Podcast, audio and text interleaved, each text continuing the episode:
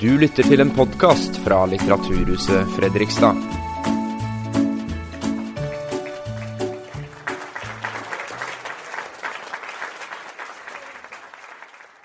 Tusen takk. Er Mesterdetektiv, ja. Det, jeg vet ikke helt det, men eh, jeg har nå i hvert fall eh, hatt, drømt om eh, å være detektiv. Jeg begynte å lese kriminallitteratur da jeg var kanskje sju-åtte. Da fikk jeg min første Frøken Detektiv-bok i bursdagspresang. Jeg kan enda huske det. Jeg skrev Anette Guttormsen inni. Var veldig fornøyd og tenkte at sånn skal jeg bli. Det må jo finnes noen mysterier som jeg kan oppklare. Så er det sånn at det var ikke så mye som skjedde på Haflundsøya. Eh, Så jeg fortsatte å lese. Og lese krim. Eh, Og noe av det første voksenkrimmen jeg leste, det var en Varg Veum-bok. Så når jeg fikk spørsmål om å komme hit, så ble jeg bitte litt myk i knærne. Og så sa jeg ja før jeg rakk å tenke meg om. For selvfølgelig vil jeg sitte her. Så heldig er jeg som har en jobb som gjør det mulig. Så da tenker jeg, herrer, dere er eh, erfarne i både å sitte her og snakke om bøkene deres, og ikke minst å skrive bøker. Hvorfor i alle dager skriver dere kriminallitteratur? Ja, Det er jo et godt spørsmål som vi selvfølgelig får veldig ofte. Og mitt standardsvar på det er at de fleste forfattere de skriver den type bøker som de selv liker å lese. Ja. Eh, og jeg begynte også da veldig tidlig å lese kanskje ikke 'Frøken Detektiv'. Jeg leste da 'Hardyguttene', eh, som var den andre serien. Men det var jo svært ofte at jeg hadde, gikk tom for uh, de i hyllene. Det var jo sånn som man lånte av venner og sånn. Og da gikk jeg i min søsters bokhylle og fant 'Frøken Detektiv'. Så det har jeg også lest. Ja vel. Altså, jeg leste faktisk 'Frøken Detektiv' først, tror jeg. Du gjorde det, ja? Ja, jeg var mer kjønnsbevisst den gangen. På hvilket vis da? Men Ja, Det går vi ikke inn på. Nancy Drew det var veldig, syntes det var veldig spennende. Og så var det et annet begrep den gangen for oss eldre herrer, og det er jo et par i salen, og det var jo Detektivmagasinet og Knut Grib. Ja. Og Knut Grib var jo tidenes største norske detektiv, og ble jo da eh, oppfunnet av en mann ikke så langt herfra, da, fra Halden, Sven Elvestad, eller Stein Riverton, som ble forfatternavnet hans. Og det var jo det var i hvert fall sånn guttelesning. sant? For Detektivmagasinet var jo et billig hefte, så det kostet ikke så mye heller. og det kunne du kjøpe. Og der var det historier på 40-50 sider, relativt små sider. Og det var jo spenning, enten det var i Indre Østfold eller det var på Vaterland og de mørke sidene av Oslo. Og eh, jeg endte jo opp da en del år seinere med rett og slett å skrive en, en musikal om han som da het 'Knut Grib tar Bergenstoget'. For jeg syns jo da at Knut Grib måtte til Bergen også. ja, det var det. Ja da. Jeg kan ikke helt si hvorfor jeg begynte å skrive krim. Altså, det hadde sikkert litt med lesing å gjøre. Men ikke bare det. Jeg leste egentlig ikke så veldig mye krim eh, før jeg ble voksen. Uh, hvis jeg leste noe krim, så var det vel nordamerikansk, tror jeg. Sånn, uh, altså paperbacks, billigbøker. Det leste jeg en del av. Så leste jeg noen av disse klassikerne. Jeg har vel lest en del av Agatha Christie også, blant annet. Men jeg leste egentlig mye annet, altså. Men eh, ved en tilfeldighet så begynte jeg å skrive krim. Um, altså jeg var På det tidspunktet så var jeg jo eh, langt oppe i 40-årene da jeg begynte å skrive. Og jeg var, på det, jeg var den gangen, eh, og for så vidt er fortsatt, da, sosiolog og samfunnsforsker. Men uh, jeg trodde da at jeg var så god til å skrive. Så når jeg kom på den ideen at jeg skulle skrive en krimroman, så tenkte jeg ja, det kan jeg vel gjøre. Jeg kan jo skrive paper, som det heter, om alt mulig rart. Så jeg trodde jeg kunne det, men det var en fryktelig nedtur. altså. Ja, For det kunne jeg ikke. Det er ikke så lett å skrive. Eh, nei, det er veldig vanskelig å skrive. Og når man skal skrive ting som folk skal lese til med, og, og ha glede av, da blir det enda verre. Så det, det, og jeg holder på med det enda, faktisk, og, og strever med det. For det er, jeg syns det er vanskelig. Men, eh, men altså, jeg begynte jo å skrive krim fordi jeg eh, var fascinert av den muligheten til å beskrive, studere, granske, eh, se på, leke med samfunnsforhold som jeg hadde lyst til å hva skal vi si, forandre på. Det var sånn jeg begynte. Tenkte at Nå skal jeg skrive om, skrive om elendigheten, urettferdigheten. Betrakte samfunnet nedenfra og oppover. Så blir det nok orden i dette landet når jeg bare får utgitt noen bøker. Fullt så gæren var jeg ikke da, men altså jeg tenkte litt i den retningen. Og det, det gjør jeg faktisk fortsatt. Men jeg har skjønt at jeg ikke skal gjøre det med store bokstaver. Små bokstaver og metatekst. Så det var kanskje derfor. Jeg, sk- jeg utga jo min første kriminalroman i 1975, så det begynner å bli noen år siden. Og for min generasjon så var det jo det svenske forfatterparet Sjøvald og Valø som var de store læremesterne. Og de eh, laget jo et vannskille i kriminallitteraturens historie. For man kan trekke kriminallitteraturens historie helt tilbake. Når jeg holder foredrag om kriminallitteraturen, så pleier jeg å begynne med Bibelen. Og eh, det første drapet er jo drapet på Abel. Ja. Uh, og så pleier jeg alltid å eh, nevne de greske tragediene kong Ødipus. Eh, fordi kong Ødipus er jo en genial kriminalfortelling. Det handler om en, for å oversette det til krimspråk, en detektiv som etterforsker et drap som han selv har begått. Uten å vite at det er han selv som er den skyldige. Det er jo en genial, overraskende løsning. Så det, men så kommer, jo da, så kommer jo da opp gjennom tidene diverse forløpere til krim. Men for alvor begynner det jo da internasjonalt med Edgar Allan Poe og mordene i Rymorg, som kom ut i 1841. Men i Norge er vi jo veldig stolt over at Maurits Kristoffer Hansen to år før eh, Edgar Allan Poe skrev da 'Mordet på maskinbygger Rolfsen'. Som da um, alle vi i Norge i hvert fall regner som tidenes første moderne kriminalroman. det 1842, var det det? At Den kom ut i nei, at, eh, i 1839. ble den skrevet. To år før Edgar Allan Poe. Ja, Han kom i akkurat. 1841. Kongsberg. Det var der det begynte. Ja. Foregikk på hans, handlingen i den boken foregår på, eh, på Kongsberg på slutten av 1700-tallet. Og det er en assessor, da, en eh, jurist, som da er etterforskeren i det. Og på mange måter en veldig realistisk eh, kriminalfortelling som kan leses med stor interesse den dag i dag. Ja, den er utgitt på nytt for ikke så lenge siden, vekk, faktisk. ja, da, stadig vekk nye utgaver. Så vi kan jo håpe det samme altså om 130 år at noen utgir bøkene våre. muligens. Ja, det, det gjør de vel. Ja, altså, I hvert fall de beste av dem. Ja. Men det dere har felles, da, er jo at dere har en helt uh, særegen gjennomgangsfigur. Altså en person som er Jeg antar for dere ganske levende. eh, Hovedpersonene deres. Si- Siden jeg var først, så får jeg ta, ta han først. Men jeg begynte jo egentlig å skrive politiromaner. for Etter modell fra Sjøvold og Vale. Så i de to første kriminalromanene mine og i den fjerde så er det to politietterforskere i Bergen som jeg kalte Dumbo og Maskefjes. Ja. Eh, som også dukket opp på TV-skjermen på 90-tallet. Eh, som er etterforskerne. Men så var jeg jo veldig inspirert av de store amerikanske privatdetektivforfatterne. Raymond Chandler først og fremst, men også Ross MacDonald og forgjengeren Dashiell Hammett. Og jeg var jo veldig fristet til å prøve å overføre den eh, delen av sjangeren til Norge på 1970-tallet. Og da satte jeg meg ned og skapte da en ensom ulv eh, fra Bergen med Ja. kontor i fjerde etasje på Strandkaien 2. Eh, og han fikk navnet Varg Veum. Og han har fulgt meg gjennom resten av livet så langt. Den boken som kom ut i sist høst, var nummer 19 i serien av romaner. Også det er to novellesamlinger i tillegg, og det er filmer og radioteater. Og vi har til og med utgitt tre CD-er med hans, eh, hans favorittmusikk.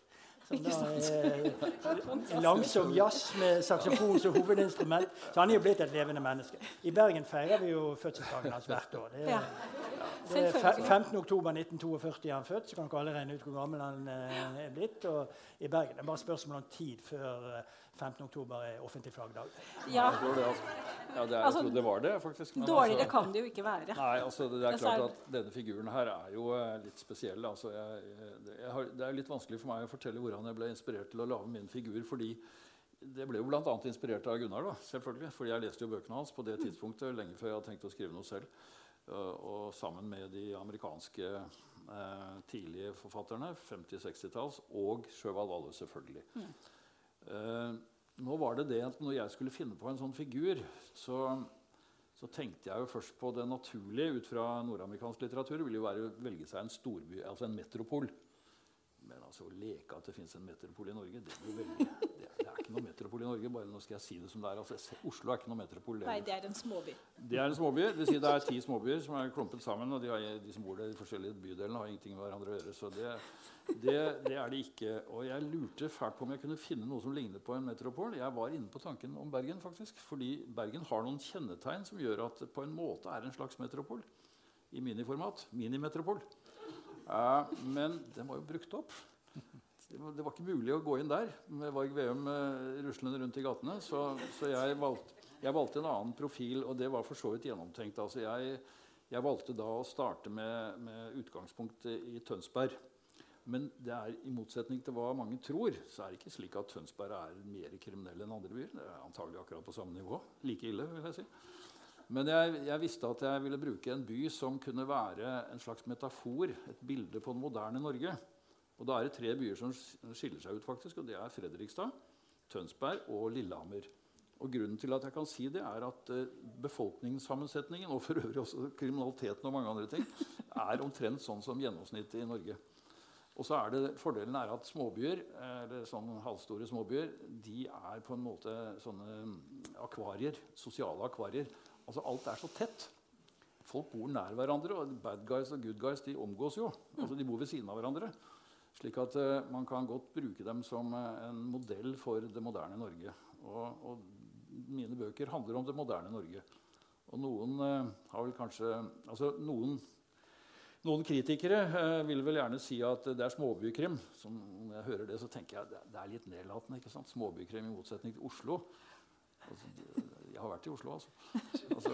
Og jeg har vært i større byer også, så det er egentlig litt sånn feilaktig.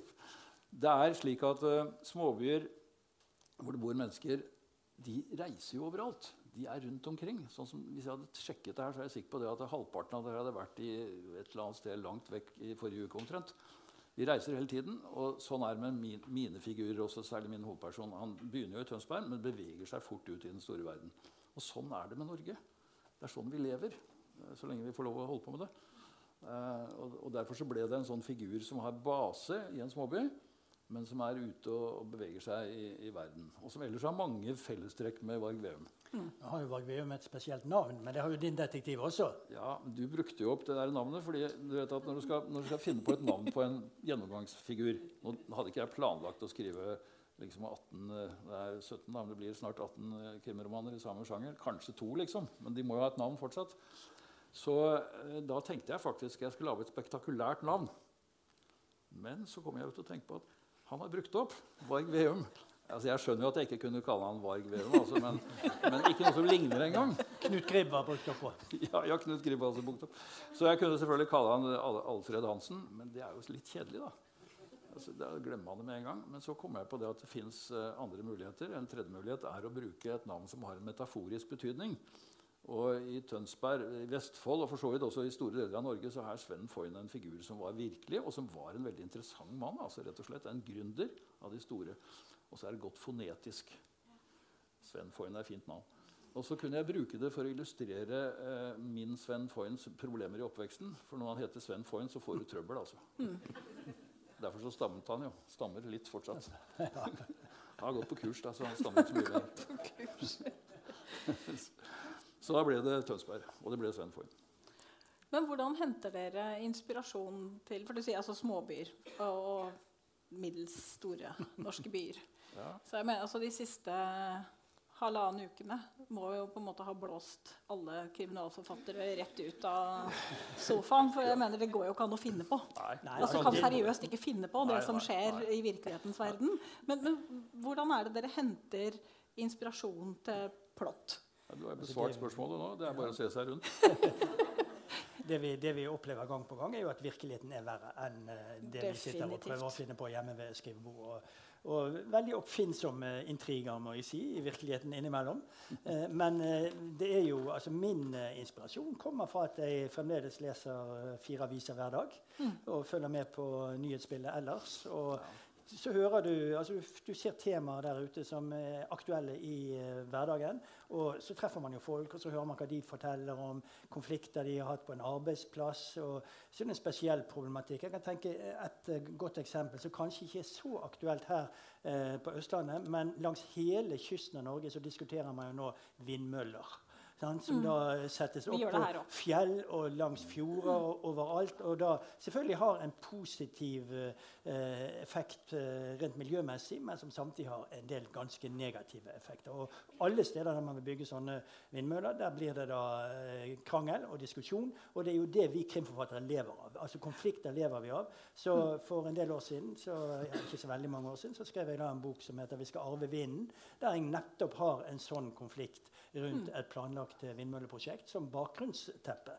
Og så bruker vi det til å Og, altså, da vil vi jo fortelle om det. Så jeg, jeg hører ikke til den type forfatter som er sånn plakatforfatter som vil tvinge gjennom mitt syn på det, selv om jeg har et syn. Jeg prøver å la begge sider komme mm. til orde gjennom ulike personer som jeg da dikter opp. Og, uh, så, altså, jeg har mange ganger sagt at jeg har et av Ibsens uh, gode ord uh, som, som målestoff for mitt forfatterskap, og det er at jeg spørger kun. Mitt kall er ei at svare.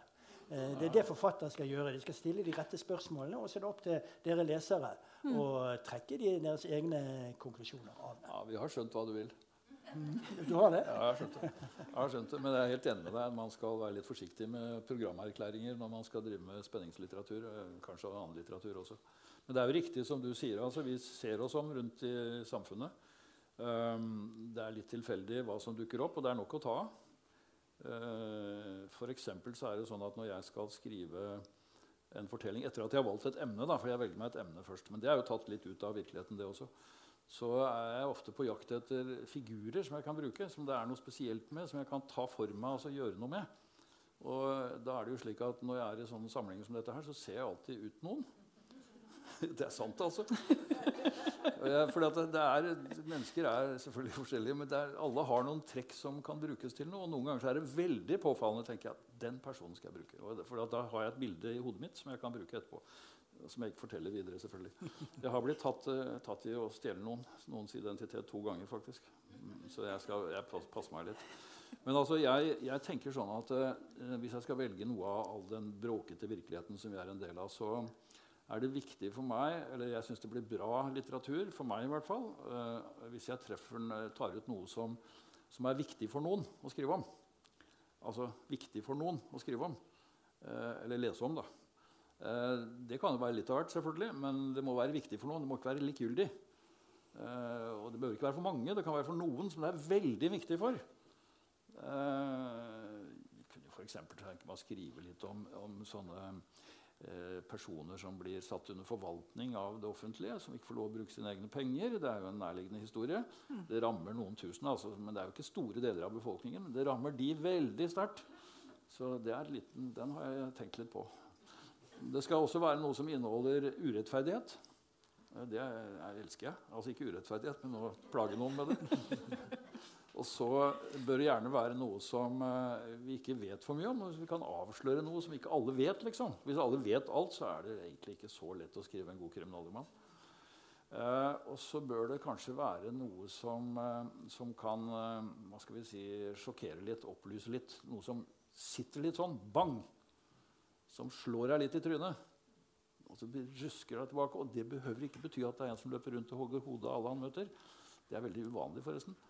Eh, slik at seriemordere av den typen er jeg veldig lite glad i. altså. Også fordi at en del av de seriemorderprosjektene som verserer rundt i det store krimlandskapet, de har noen ubehagelige sider også, særlig når det blir knyttet til folks psykiske tilstand. Altså liksom Klassikeren det var en som rømte fra nærmeste sinnssykehus og drepte alle naboene. liksom. Ja, jeg overdriver jo ikke hvis jeg sier at det finnes. Altså det finnes ikke, men at det skrives om. Eh, så det gjelder å finne noe her. Og så skal det gjerne være litt originalt også. For sikkerhets skyld. Eh, ja, det er en fordel. Ja, det er ikke måte på. Men det behøver ikke være så veldig originalt. som Gunnar allerede har sagt. Vi finner jo i Bibelen og mange andre steder, så det er gjort før. Det er gjort ja, før. Det, det, vi, vi, vi, holder også på med underholdning. Altså, man skal aldri glemme det at eh, kriminallitteratur var primært underholdningslitteratur. Det var det mm. helt frem til disse store amerikanerne begynte å skrive da på 2030-tallet. Eh, og eh, i, for alvor først når Sjøvald og Valø eh, bryter igjennom og viser at vi kan bruke moderne kriminallitteratur til å fortelle virkelig noe alvorlig om det samfunnet vi lever i. Med et veldig kritisk blikk på det samfunnet.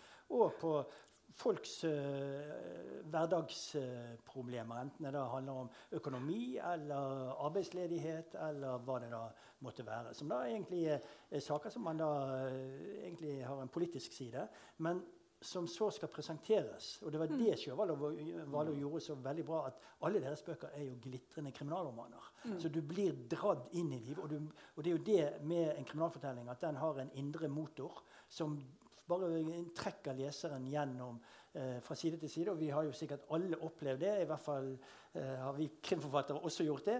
Eh, at du ligger der plutselig klokken to om natten og har lest ferdig boken, for du måtte bare vite hvordan det gikk. Absolutt. Og, og hvis vi da innenfor den rammen kan fortelle noe som samtidig blir hengende litt igjen hos eh, leseren. Og det, er det, som, eh, det var det Sjøvald og Valø gjorde. Eh, fordi Agatha Christie kan man lese, og det er glitrende underholdning. Hun var veldig bra til å lage krimintriger. Men når du har lest ferdig en Agatha Christie-bok, så kan du bare trekke det på skuldrene. Du blir ikke sittende lenge og tenke på de menneskeskjebnene der. Måte. men har du lest en Sjøvald og Valø-bok, eller de veldig mange av moderne kriminalromaner, så er det faktisk slik at forhåpentligvis har du sådd noen frø i leseren som gjør at du blir tenke, du kommer til å sitte og tenke litt over skjebnen til de For, menneskene. for det leses jo mye krim Ja, veldig mye. nå. Veldig mye. Det skrives mye, Ja. og det leses mye. Det leses mye. Det henger sammen, det der. Men, Ikke eh, alt, det, det leses Det er ikke alt som skrives som leses mye. Nei, Men krim sant. leses mye. Hvorfor leser. tror dere det? At folk Altså, leser eh, tyr til krim? Der er det jo interessante er jo at Ja. eh, på uh, 40-50, altså etter krigen og, og gjennom hele 50-tallet, så kom det ut to-tre norske krimromaner i året. Det ble nesten ikke skrevet noe norsk krim. Uh, og så kommer da den store flommen da, som kommer midt på 70-tallet. der jeg, Jon Michelet, Fredrik Skagen, Kim Småge et par år etterpå. Plutselig er det en hel del unge forfattere som da begynner å skrive krim.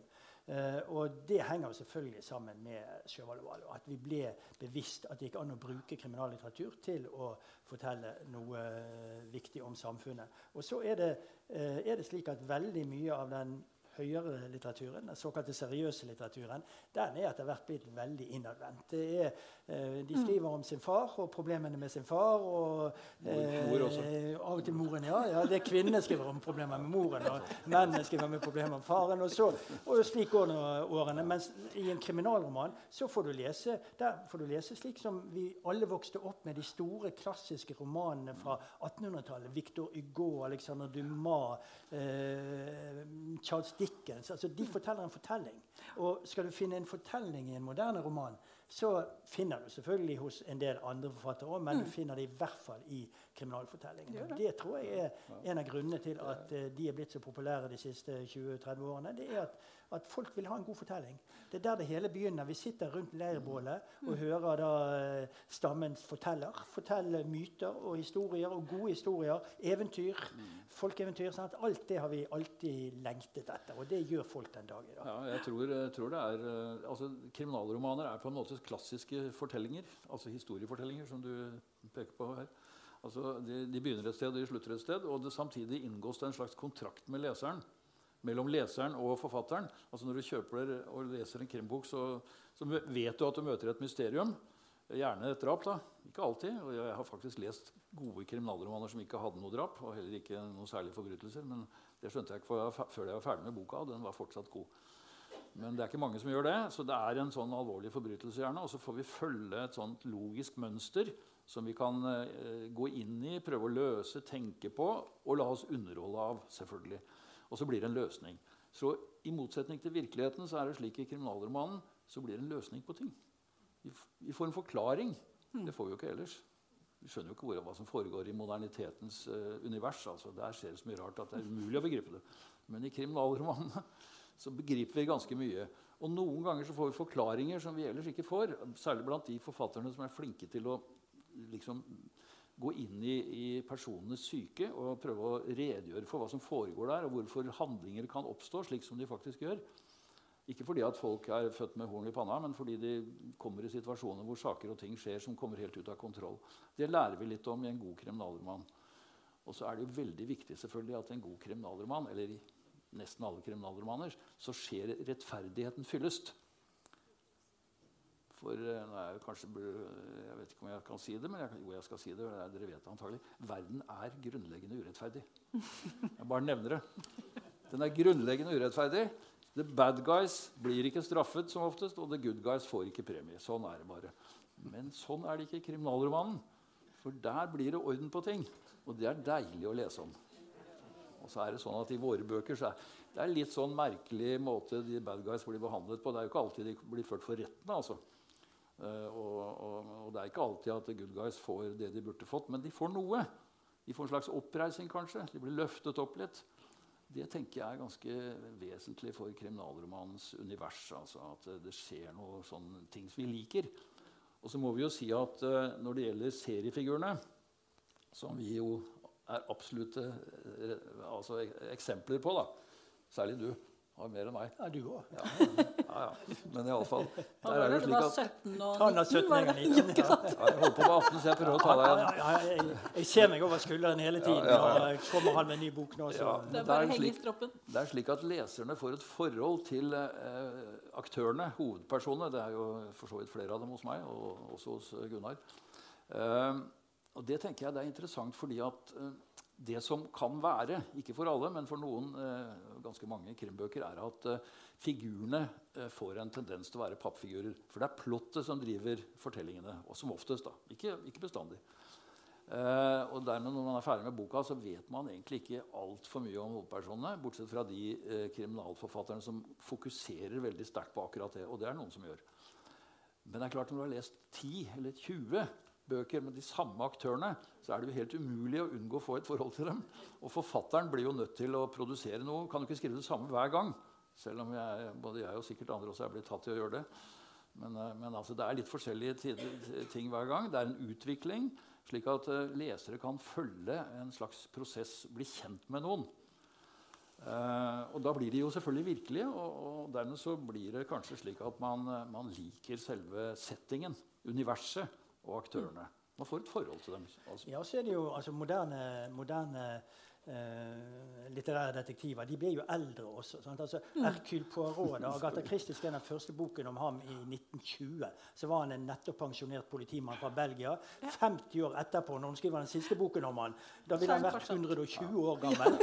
Men han er fremdeles da, relativt nylig pensjonert politimann. Fra, Mens eh, Varg Veum var 34 år i den første boken som kom ut i 77. Og han er jo da blitt eldre med årene. Og jeg vet jo selvfølgelig, eh, som jeg har sagt, akkurat når han var født. Eh, og det er jo en av grunnene til at de siste bøkene mine foregår noen år tilbake i tiden. For jeg må holde han i hvert fall under, under 70, da. Ja, det- ja, Men han er da en ung mann på bare 61-62 i denne boken her. Og det er jo ingen alder for en detektiv. Nei, nei, det Men, det. men da, når vi snakker om disse figurene, så kommer vi jo ikke utenom at i boka di, Stålsen, her, så dukker jo Sven Foyn Da dukker det en annen person opp. Det er slik at uh... Og jeg leste boka di før, uh, før jeg visste at jeg skulle hit og snakke med dere i dag.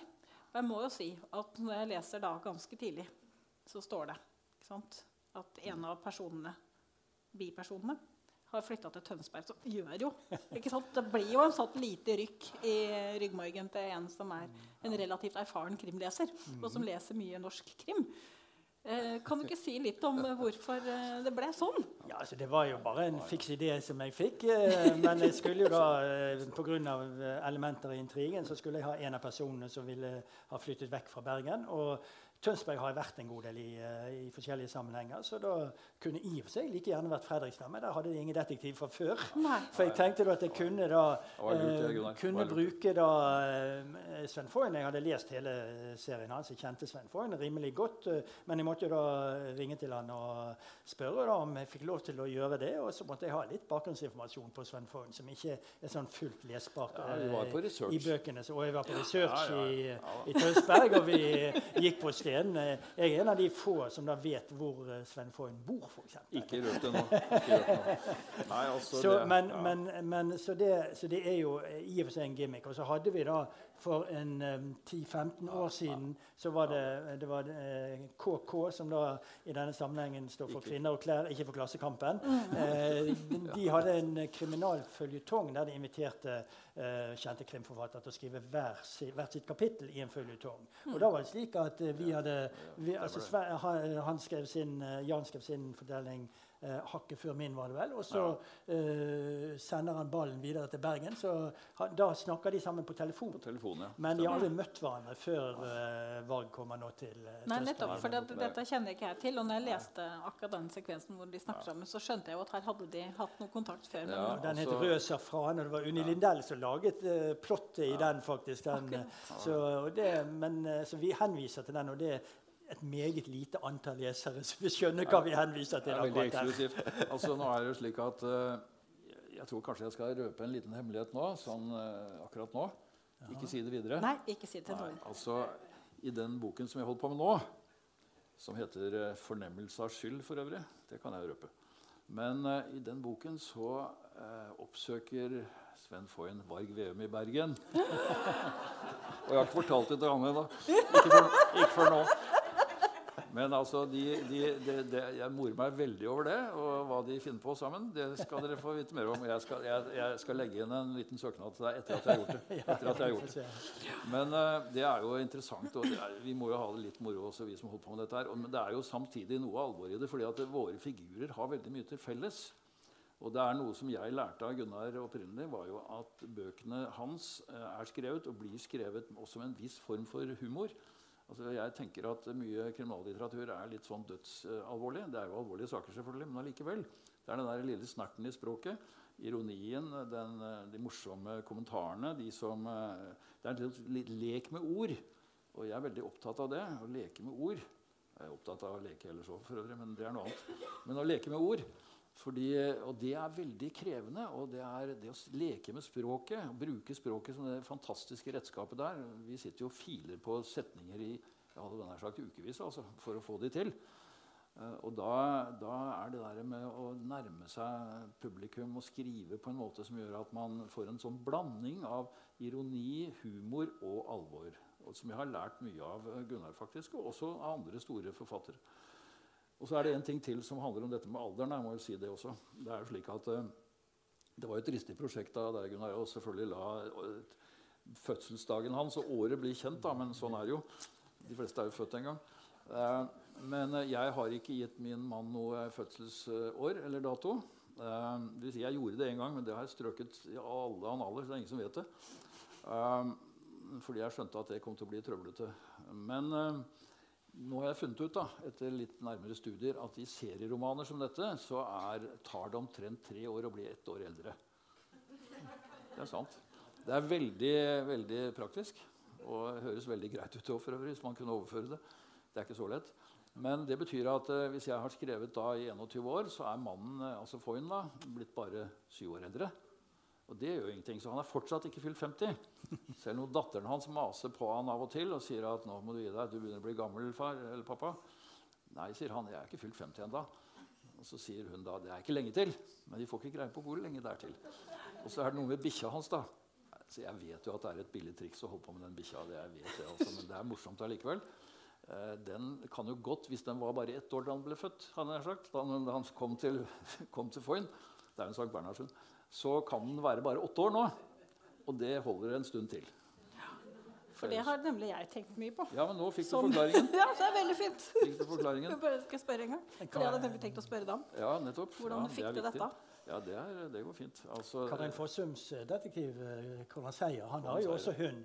Men den hunden dør. Den første Ja, hunden. ja, det- Så får han en ny, får hun, eh, han en ny hund. men, Så hun, hun har tatt det alvorlig. men vet dere her, er det noen her som vet hva bikkja til den første hunden til eh, Konrad Seier het? Ho. Dette er, dette er eh, 100 000 kroner spørsmål. altså, Ikke visste dere at det var kommet til eksamen. Nei, nei, det er greit. Dere kan få være her fortsatt, selv om dere ikke vet det. Nei, den het Kolberg. Og hvem er Kolberg? Ja, Og det er en av detektivene til Sjøvalleval. Ja. Så der er også, altså Dette med sånne små litterære hilsener til hverandres forfatterskap det finner man jo i kriminallitteraturen. En av, en av Anne Holts eh, tidlige bøker så uh, oppdaget jeg plutselig at hun uh, gikk gjennom en park i Oslo. Der møtte hun Varg Veum. Da var han i Oslo, og så utveksla de noen ord der. Og hun hadde ikke spurt om lov engang. Nei, nei, nei. nei Karin Fossum er for øvrig veldig opptatt av sånne ordspill. Og, og Merk dere navnet som hun bruker. Altså, Mannen heter jo ikke Konrad Tap, han heter Konrad Seier. Altså, og det er med J. Ja, ja. Så vi må få lov å holde på litt med det. Men det, det kommer litt tilbake til dette med språket. Det å, å, arbeide med språket. Det tenker jeg kanskje er en av de største utfordringene ved kriminallitteraturen. Det er å, å utvikle et godt språk. Fordi eh, det er mange av oss, selvfølgelig, meg selv inklusiv, som har trodd at vi har kunnet skrive fordi vi har vært journalister eller forskere eller whatever. Og så skriver en bok i full fart, liksom. Bare fordi at vi kan bokstavene og alfabetet. Og noen rettskrivningsformler og sånt. Men altså, det er ikke så enkelt. altså. Det er veldig vanskelig. Bare så dere vet det. Det, Ja, det er en unnskyldning, dette her, selvfølgelig. Men Når vi snakker om navn Ja. på hovedpersoner, så må jeg nesten få lov til å si, siden jeg da befinner meg i Fredrikstad i dag, da, Ja. at uh, siden min mor eh, var fra Fredrikstad, uh, så tilbrakte jeg veldig mange somre her i nærområdet og på Hvaler bl.a. Og spesielt når jeg kom opp i tenårene, så syklet jeg veldig mye rundt omkring uh, her. Og det var ganske mange ganger jeg syklet forbi et skilt der det sto Veum. Eh, og eh, det har nok blitt hengende igjen i bakhodet mitt da, til den gangen i 1976, når jeg satt og skulle finne på et navn på denne detektiven min. Så Veum er jo da, i tillegg til at det er et sted i nærheten av Fredrikstad, så er det jo et uh, familienavn som man kan ha rundt omkring. Og i Indre Sogn heter de Veum, i Telemark heter de Veum. Uh, og så hadde jeg jo lært på skolen av dette spesielle begrepet å være varg i Veum, som var en norrøn betegnelse på en som er lyst fredløs. Ja. Og det å være en fredløs i tilværelsen, det er jo det en sånn privatetterforsker er. Midt mellom politi og uh, kriminelle. Så en takk til uh, Fredrikstad-området for at de ga meg etternavnet til uh, Ja, hovedpersonen min. det var derfor det var umulig å kopiere Varg Veum. Altså, det var bare så godt gjort at det var ikke mulig å gjøre det. Så jeg måtte jo prøve allikevel. Men Gunnar, kan ikke du si litt om tittelen på denne boka di? Utenfor eh, hundene, ja. Ja, Nei, det var ikke den. da. Den var, den, kan den godt si litt om var tittelen på den nå. Fordi jeg har fått en sånn Jeg har den jo her Ja, i du paperback-utgave, faktisk. Ja, altså utenfor hundene'. Jeg har jo da, har jo da Gjennom hele serien av Varg så eh, blir jeg jo inspirert av eh, religiøse sitater, uh, bedehussanger. Altså Det er veldig masse flotte bilder i den, eh, den eh, får jo kalle det diktningen i denne sammenhengen, da, som finnes både i, i Bibelen og i bedehussangene. Og dette er jo et velkjent, eh, velkjent eh, sitat for mange, eh, som jeg har hatt eh, lyst til å bruke den tittelen i en del bøker. Eh, og eh, jeg pleier å si litt spøkefullt da, at det er tatt fra en kollega av oss som heter Johannes, og fra hans hovedverk, som da heter 'Åpenbaringen'. Eh, og der står det da men utenfor er hundene og de som driver med trolldom, og de som driver hor, morderne, avgudsdyrkerne og alle som elsker løgn og taler løgn. Og Der har jo Johannes i én setning samlet omtrent innholdet i alle kriminalromaner gjennom Ja, tidene. er. Eh, og eh, det er jo en ganske mørk, eh, mørk, eh, et mørkt sitat. Eh, for det handler jo da om folk som da gjør veldig eh, forferdelige ting. Og både i denne boken og i den boken som denne er en litt frittstående oppfølger av, som heter 'Ingen er så trygg i fare', som jo er en bedehussang, mm. eh, så handler det jo om det vi dessverre leser om hele tiden i avisene for tiden, ikke minst borte i Bergen, der politiet har en såkalt dark room-gruppe, som da handler om overgrep mot små barn. Ja. Og til og med veldig små barn. Og det er jo noe vi får vi da si normale mennesker eh, knapt nok kan forstå at folk kan begå den slags eh, forbrytelser. Og det er jo kanskje litt typisk for en moderne kriminalroman at vi går inn i de mørkeste sidene av samfunnet også og prøver å sette lys på det. For dette er, er jo en, en problematikk. Og også ikke minst det at i, vi, vi har jo stor glede av Internett og det verktøyet det er, og den informasjonskanalen det er. Men samtidig er jo Internett blitt et verktøy for folk som vil begå denne slags typer overgrep.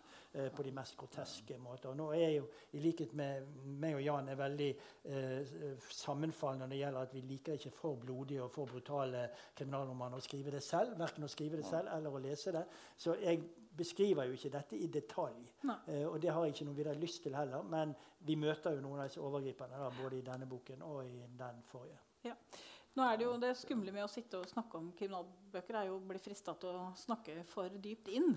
Eh, Så det skal vi ikke gjøre. Men jeg tenker vi skal snakke litt om tematikken. eh, Men ikke akkurat nå. Men det jeg vil avrunde denne sekvensen med, er å be dere om å lese åpningen på hver deres bok, sånn at eh, publikum har, som ikke har lest bøkene, har en fornemmelse av stemning og hvor vi starter. Så hvis du begynner, Gunnar. Ja, først, eh, Jeg vet ikke hvor lokalkjent dere er i Bergen, men det er da eh, Hordalands største kjøpesenter. Det ligger litt utenfor Bergen, og det heter Lagun. Og Sånne kjøpesenter de dukker jo opp overalt. og Varg Veum ironiserer litt over det litt lenger ute i boken, hvorfor de har gitt de sånne eksotiske navn. For det heter Lagunen der, og i, en, i Fyllingsdalen så heter det Oasen. Og det er, jo, Og det, det er langt fra verken oaser eller laguner å gå inn i de der der eh, storhuset der. Men iallfall Og dette er tidlig i januar. Jeg hørte bilen før jeg så den. Jeg hadde utført et lite oppdrag for et foreldrepar som bodde i et av de nye boligstrøkene på baksiden av lagunen. De hadde bedt meg parkere diskré da jeg besøkte dem, og jeg var på vei ned til bilen igjen da jeg hørte rusingen av en bilmotor like bak meg. Jeg rakk så vidt å snu meg rundt. En bil kom rett mot meg uten noen tegn til å svinge av. Et sekund eller to sto jeg som lamslått. Så reagerte jeg intuitivt og kastet meg til siden. Bilen strøk forbi meg så nær at jeg merket vinddraget idet den passerte. Jeg tumlet inn i en snøfonn. Brøytemannskapet hadde etterlatt seg der i romjulen. Nå var det den første søndagskvelden i januar, og været var like kaldt som det hadde vært siden jul. Hva i svarte, sa jeg til meg selv. Med bankende hjerte og mer sjokkert enn redd satte jeg meg opp i snøen og så langt etter baklysene på bilen, som bare fortsatte nedover i samme høye tempo som den hadde dukket opp. Den var altfor langt borte til at jeg kunne lese bilnummeret, men i kveldsmørket så den grå ut, og om jeg ikke tok veldig feil, var det en Volkswagen Golf av siste modell. Jeg fulgte baklysene forbi lagunen og helt, til, helt ut til Fannaveien, der den tok av til høyre i retning byen og forsvant bak høydedraget der. Jeg kom jo opp på bena og ut i veien igjen. Jeg så oppover som for å forsikre meg om at det ikke kom flere biler derfra, og nedover for å se om det var noen andre ute og gikk som kunne bevitne det som hadde skjedd. Men det var ikke et menneske å se før nede i området mellom lagunen og bensinstasjonen ut mot Fanaveien. Hadde ikke bilføreren sett meg, eller var det nettopp det han hadde, og med andre ord med forsett prøvd å kjøre meg ned? Kunne det ha noe med den saken jeg nettopp hadde løst å gjøre? Neppe. Den var så ubetydelig av format at de eneste som kunne reagere på den, måtte være skatteetaten. Fordi honoraret mitt var så beskjedent at det ble så godt som ingenting igjen til dem. Selv medregnet moms. På vei videre ned til bilen slo det meg at det kanskje var en annen forbindelse, og den gjorde meg bekymret. Mer bekymret enn jeg i utgangspunktet hadde vært da jeg noterte meg de to dødsfallene, det ene i oktober, det andre to måneder senere. Det første dødsfallet hadde jeg bare tatt til etterretning. Etter det andre fikk jeg en mistanke om at noe var galt. I begge dødsannonsene brukte de etterlatte formuleringen 'døde brått og uventet'. Og det var dette som hadde fått meg til å spekulere brått og uventet som i drept. Mm. Tusen takk. Ja, så ja. jeg også lese. Altså, jeg kan ikke sitere Det er ikke noe, eh, noe sitat fra verken Bibelen eller andre steder her. Det er noe jeg har lagd selv. Hvit engel, svart natt. Lyset fra frontlyktene skar gjennom mørket. Tunge skyer av tåke og kraftig regn hadde lagt et teppe over det øde Vestfoldlandskapet. Riffet fra Crosby, Steele, Nash Youngs gitarer pumpet tungt utover Jaguarens lærkledde interiør. Ohio av Rolling Stone kåret til verdens mest innflytelsesrike protestsang. Skuddene ved Kent State University. Four Dead in Ohio. Låten bidro til å avslutte Vietnamkrigen, men forandret ikke verden. Motoren malte rytmisk under det blanke panseret. Jeg hadde spadert omlakking på bilen fra en konservativ blåfarve. Jaguarer skal være røde. Pga. styrtregnet lå speedometernåla rundt 60. Det var sen september, og det var natt til lørdag. En svart, stille natt. Klokka på dashbordet viste presist 02.15. Riksvei 35 hadde lenge vært snorrett. Nå dreide den seg en lang sving, og jeg saknet farten mens jeg nynnet trommet på rattet i takt med musikken. De flate jordene ble erstattet av lett vegetasjon inn mot veien. Et øde landskap, ikke et hus. Regnet pisket mot frontruta. Høsten var underveis. Jeg var alene her, i ingenmannsland. Skikkelsen kom ut av mørket. Brått var den der, rett foran meg, badet i lyset fra billyktene. I et lite øyeblikk var jeg lammet før instinktene slo inn. Jeg vred rattet hardt mot uh, høyre og tråkket bremsen i bunn. Jaguaren skjente mot grøftekanten. I langsom film opplevde jeg det. En liten, hvit skikkelse, et blekt ansikt, mørke krøller, kropp mot metall, et slag i panseret, dunk i frontruta ditt livs verste mareritt. Med et rykk stoppet bilen. Motoren sluknet. Sikkerhetsbeltet var gammelt og slakt. Jeg hang framover med hendene låst fast i rattet. Stillheten var øredøvende. Selv Hulda, som hadde sovet i baksetet, var kastet mot seteryggen, forholdt seg rolig. Med skjelvende fingre løsnet jeg beltet. Uten frontlyset var mørket kompakt. Jeg hadde kjølt på et barn. Eller hadde jeg drømt? Et øyeblikks søvn, og fantasien overtar. Kanskje en hare, en rev på jakt, en stor fugl, hva som helst. Jeg var ute av stand til å tenke rasjonelt. Et lite menneske alene her, midt i svarte natta. Jeg skjøv døra forsiktig opp, redd for hva som kunne møte meg. De første sekundene så jeg ingenting. Men noen meter bak bilen, halvveis gjemt under en busk, skimtet jeg noe hvitt. Med mobilen rettet jeg lysstrålen mot det hvite og skvatt så heftig av synet at jeg mistet telefonen i grøfta, som var fylt av vann. Da jeg plukket den opp, var lyset svakt og blafrende. Det lå en liten jente der, pakket inn i en hvit, gjennomvåt nattkjole full av søle og flekker. Føttene hennes var nakne og blodige. Hun lå på siden i en forvridd stilling med den ene armen under seg. Den andre hånden hadde hun festet i et grep rundt en trestamme, som hun hadde prøvd å komme seg opp. De tynne beina hadde krøllet seg sammen under kjolen. Hun så ut som en engel der hun lå i gjørma, blek, mager og urørlig. I noen lange sekunder ble jeg stående og betrakte den lille skikkelsen før jeg greide å ta meg sammen. Jeg bøyde meg over henne, rørte forsiktig ved kinnet, strøk henne over pannen, prøvde å sjekke pulsen, la øret inn til munnen for å fange opp åndedrett. Hun rørte seg ikke, ble liggende i samme stilling. Jeg kjente ingen pust, ingen puls. Jeg vet ikke hvor lenge jeg ble stående slik mens tankene raste vilt. Men plutselig beveget hun seg, løftet hodet og åpnet øynene et øyeblikk før hun igjen falt tilbake og ble liggende stille. Hun var ikke død. Ikke ennå. Nå trengte jeg hjelp. Men telefonen hadde sloknet. Jeg stirret ut i mørket. Ikke et hus var å se. Ingen lys. Varsomt løsnet jeg grepet hun hadde om trestammen, stakk hendene under den spinkle kroppen og bar henne bort til bilen. Hun veide ingenting. Jeg åpnet bakdøra, pakket jenta inn i et pledd. Hun klynket svakt da jeg la henne til rette. Og plutselig hostet hun. Blodet som kom ut fra munnen, rant nedover halsen og etterlot seg en rød stripe på den hvite kjolen. Bilen var neste problem. Det ene forhjulet var sklidd utover grøftekanten. Jaguarer har mange gode egenskaper, men terrengkjøring er ikke en av dem. Etter gjentatte forsøk greide jeg å få den opp på veien igjen, satte på alarmblinkerne satte gassen i bånn, eh, og satte gassen i bånn mot Tønsberg. Jeg møtte ikke en bil på veien. Det var som om noen hadde sluppet en nøytronbombe over det indre delen av Vestfold, der jeg raste gjennom det øde landskapet. Eh, da jeg hørte små hiks fra baksetet, stoppet jeg bilen for å sjekke, tente lyset i taket og bøyde meg over jenta som lå sammenkrøpet og urørlig. Men så åpnet hun øynene og strakte armene opp mot meg.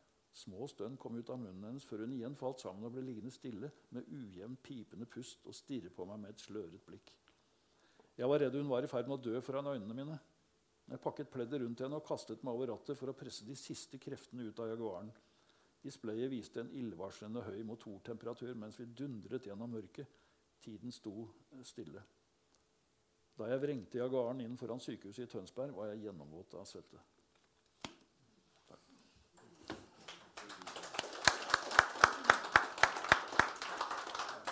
Da inviterer jeg Ruth opp, og så kan dere få sette dere og slappe av litt. Og så skal vi Vi skal stille spørsmål til slutt. Ja, Så bare hold på tanken. Husk spørsmålet, hold tanken, og så tar vi spørsmålet til slutt.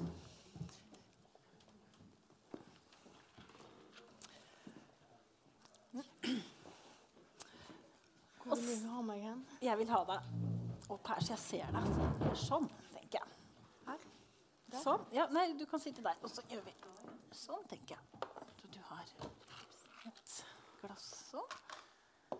Der. Hei. Hei. Ruth Lillegraven, Ja. som ikke har skrevet så mange krimbøker. I hvert fall ikke 1700-tallet eller 1900-tallet. Absolutt ikke. Nei. For dette er din første. Dette er min første. Ja. Ja. Og for de av dere som jeg, jeg håper av hele hjertet mitt at dere kjenner Ruths andre bøker. Hvis ikke dere gjør det, så er det det som er eksamen til neste uke. Dere skal gå hjem og lese Ruths lyrikk. For det er helt uh, Ja, det er helt vidunderlig, rett og slett. Så har jeg sagt det. Takk, takk. Men uh, fra lyrikk til krim Mm. hva skjedde? Ehm, ja I den grad folk har noe bilde av mitt forfatterskap, så tenker de nok på meg som poet. Men den andre boken min Jeg debuterte med en diktsamling i 2005, og så gikk det faktisk fem og et halvt år før neste kom. For da hadde jeg bestemt meg for å skrive en roman. Og jeg fant ut, som Jan sa, at det var skikkelig vanskelig. Jeg ikke visste jeg hvordan den skulle gjøre det, og ikke visste jeg hva den skulle handle om. Jeg visste ingenting, jeg var bare fast bestemt på å skrive en roman. Og den har jo faktisk Det er ikke en kriminalroman, men den har noen likhetstrekk med denne her ved at det er familiehemmeligheter, og det er ting som foregår over flere tidsepoker og flere generasjoner. Og, eh, og at det er jeg-personer som forteller, og flere jeg-personer som bytter på å fortelle. Altså, etter denne her var ferdig, alt av mitt', så, så, tenkte jeg at den hadde jo egentlig noen ganske mange likhetstrekk som sagt, med 'Mellom oss', som kom i 2011. da. Mm. Men etter den tid så hadde jeg bare holdt på med, med dikt, stort sett. Men hatt en litt sånn eh, hemmelig drøm om å prøve å skrive en, eh, en krimroman helt siden jeg debuterte for da 15 år siden. Eh, og hvor den eh, drømmen kom ifra I likhet med karene her så har jeg jo lest både 'Frøken Dexitiv' og 'Hardy-guttene' og Agatha Christie i barndommen. Eh, og 'Sjøvald og Valle' Eh, alt dette ble fora med stort sett av far min, da, som òg mm. eh, fikk meg til å lese Olav Hauge. Så sånn, så, sånn, har det liksom blitt eh, et litt schizofrent forfatterskap ut av det. da. Jeg tror jo at en blir forma av det en leser opp gjennom, og at det er en stor fordel å lese forskjellige sjangre og være åpen for forskjellige sjangre. Mange i den såkalt seriøse litteraturen som, som det nevnte i stad, er jo veldig sånn har en tendens til å liksom rynke litt på nesa og krim nesten som mm. om det liksom ikke er skikkelig litteratur. Da. Og min ærlige mening etter å ha prøvd meg i stort sett snart de fleste skjønnlitterære greiner, er jo egentlig at dette er det jeg har gjort som har hatt aller høyest vanskelighetsgrad, mm. for å si det sånn. Ja, men nå var det et langt svar som kom. Langt ja, bra, det. spørsmålet. Nei, da, det er ikke langt men det er min første krim, ja. Og forhåpentligvis ikke den siste. Nei. Men, uh, ja. For den er jo annerledes enn uh, en disse serie... Eller kanskje ikke? Ja, ja for det er jo ikke en Det er ikke en etterforsker, verken av, av politi eller journalist eller sosionom eller advokatslaget.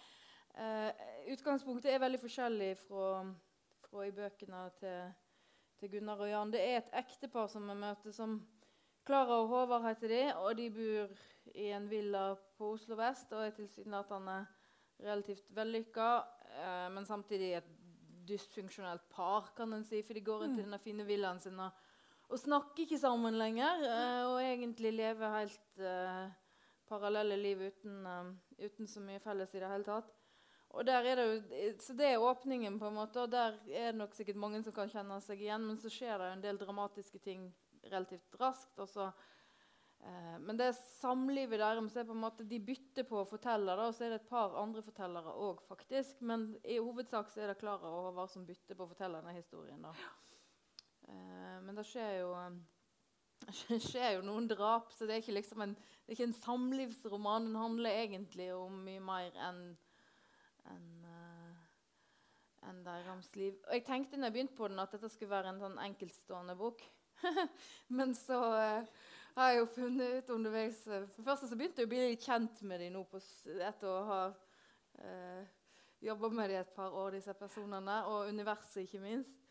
Uh, og så har jeg jo lært en del underveis. Så nå, fikk, nå, har jeg planen nå er egentlig å skrive to bøker til i en slags sånn miniserie da, med samme hovedpersonene. Eller ja, iallfall noen av dem.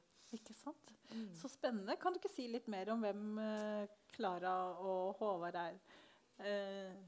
Ja, uh, de er veldig forskjellige, som sagt. Klara er egentlig Selv om hun heter Klara Macé, og det høres litt eksotisk ut, så, så kommer hun fra en sånn bitte liten fjordbygd på Nordvestlandet, har jeg tenkt. Lagt, I hodet mitt så er det liksom et par timer nordover fra Hardanger, der jeg kommer fra. Men jeg vet at veldig mange lesere tenker at det er Hardanger. da. Det kunne sikkert like så godt vært Hardanger, Men det er iallfall ei lita vestlandsbygd som jeg ikke med vilje har sagt navnet på. da. Mm. Eh, så hun kommer fra hun, uh, hun, har en alder, men hun har ikke et, et Eller hun har et anonymt hjemsted. da. Og Der kommer hun fra et småbruk Uh, og har en far som fremdeles bor på den gården. Og de har et veldig nært forhold. Men ellers er det en ganske skadeskutt familie. Det får vi vite mer om etter hvert. da. Og Hun har da flyttet til Oslo, utdannet seg til jurist og jobber nå i Justisdepartementet og har gjort karriere der. Eh, mens Håvard, mannen hennes, er en litt sånn der opp, oppvokst i denne litt bedre vestkantfamilien eh, og har liksom hele sitt liv, syns hun i hvert fall, kommet veldig lett til ting. Mm. Og er liksom mye mer sånn Der hun er veldig ambisiøs og, og strikt, så er han mye mer avslappa. Han jobber som barnelege på Ullevål sykehus. Eh, så de er liksom De er kontraster og eh, ja, fungerer ikke så godt i lag, som sagt. Så har de to gutter på kanskje rundt åtte år. Tvillinger. Mm. Mm -mm. Ja, og det handler jo mye om jobbene deres. da, fordi at, Jeg vet ikke hvor mye jeg skal fortelle, men jeg må nesten fortelle at i starten Må nesten det. ja, eh, Det starter med en sånn klassisk eh, dårlig stemning hjemme om morgenen før de drar til hver sin arbeidsplass. Og, og Håvard skal på kveldsvakt på sykehuset. Og den kvelden så får de inn et lite barn. Eh, faren kommer bærende på en fireåring som er bevisstløs. Og de, de som er på jobb på sykehuset, skjønner at noe forferdelig har skjedd med han. Og mistenker med en gang at han har blitt mishandla. Eh, og det i seg sjøl er jo dramatisk nok, men ikke nok med det. I Et par timer senere blir faren til den lille gutten, altså han som har kommet bærende på han, han blir funnet eh, skutt og drept på bønnerommet på sykehuset av alle ting. Mm. Eh, og der starter det på en måte eh, Så får, får Griplante der seg og får liksom følger både for Håvard sin jobb, men òg for Klara i Justisdepartementet og for forholdet deres. Ja. Så det For da syns jeg også at det går an å si noe om hva Klara møter på jobb. Den helt til å begynne med. Hva er det Klara Ja, har jobba med? Ja, ehm, hun eh, er jo Når vi møter henne saksbehandler, Mm. og har jobba mange år i departementet og har lagt nå all sin sjel i å få gjennom et veldig radikalt lovforslag som skal sikre bedre rettigheter for uh, for mishandla barn eller barn der det er mistanke om, om vold eller mishandling. da. Blant annet går hun inn for overvåkning i altså sånn, Litt sånn radikale tiltak da, som hun på en måte har lirka gjennom og skal akkurat til å få det vedtatt. Og så informerer statsråden henne om at eh, nei, dette blir ikke noe av fordi at det, det er liksom for, for politisk dristig eller uh, ja. Så hun blir veldig skuffa og lei seg. Hun kan selvfølgelig ikke gjøre så stor scene ut av det på jobben, men hun, det er liksom et stort slag for henne. Hun føler liksom Dette er egentlig det endelige beviset på at det er liksom vanskelig å komme noen vei i embetsverket, syns hun. da. Mm. Og, og så pleier jeg òg liksom driste meg til å fortelle at ikke så lenge etterpå så spør faktisk statsråden Klara om hun vil overta som hans statssekretær altså hoppe over til politisk side.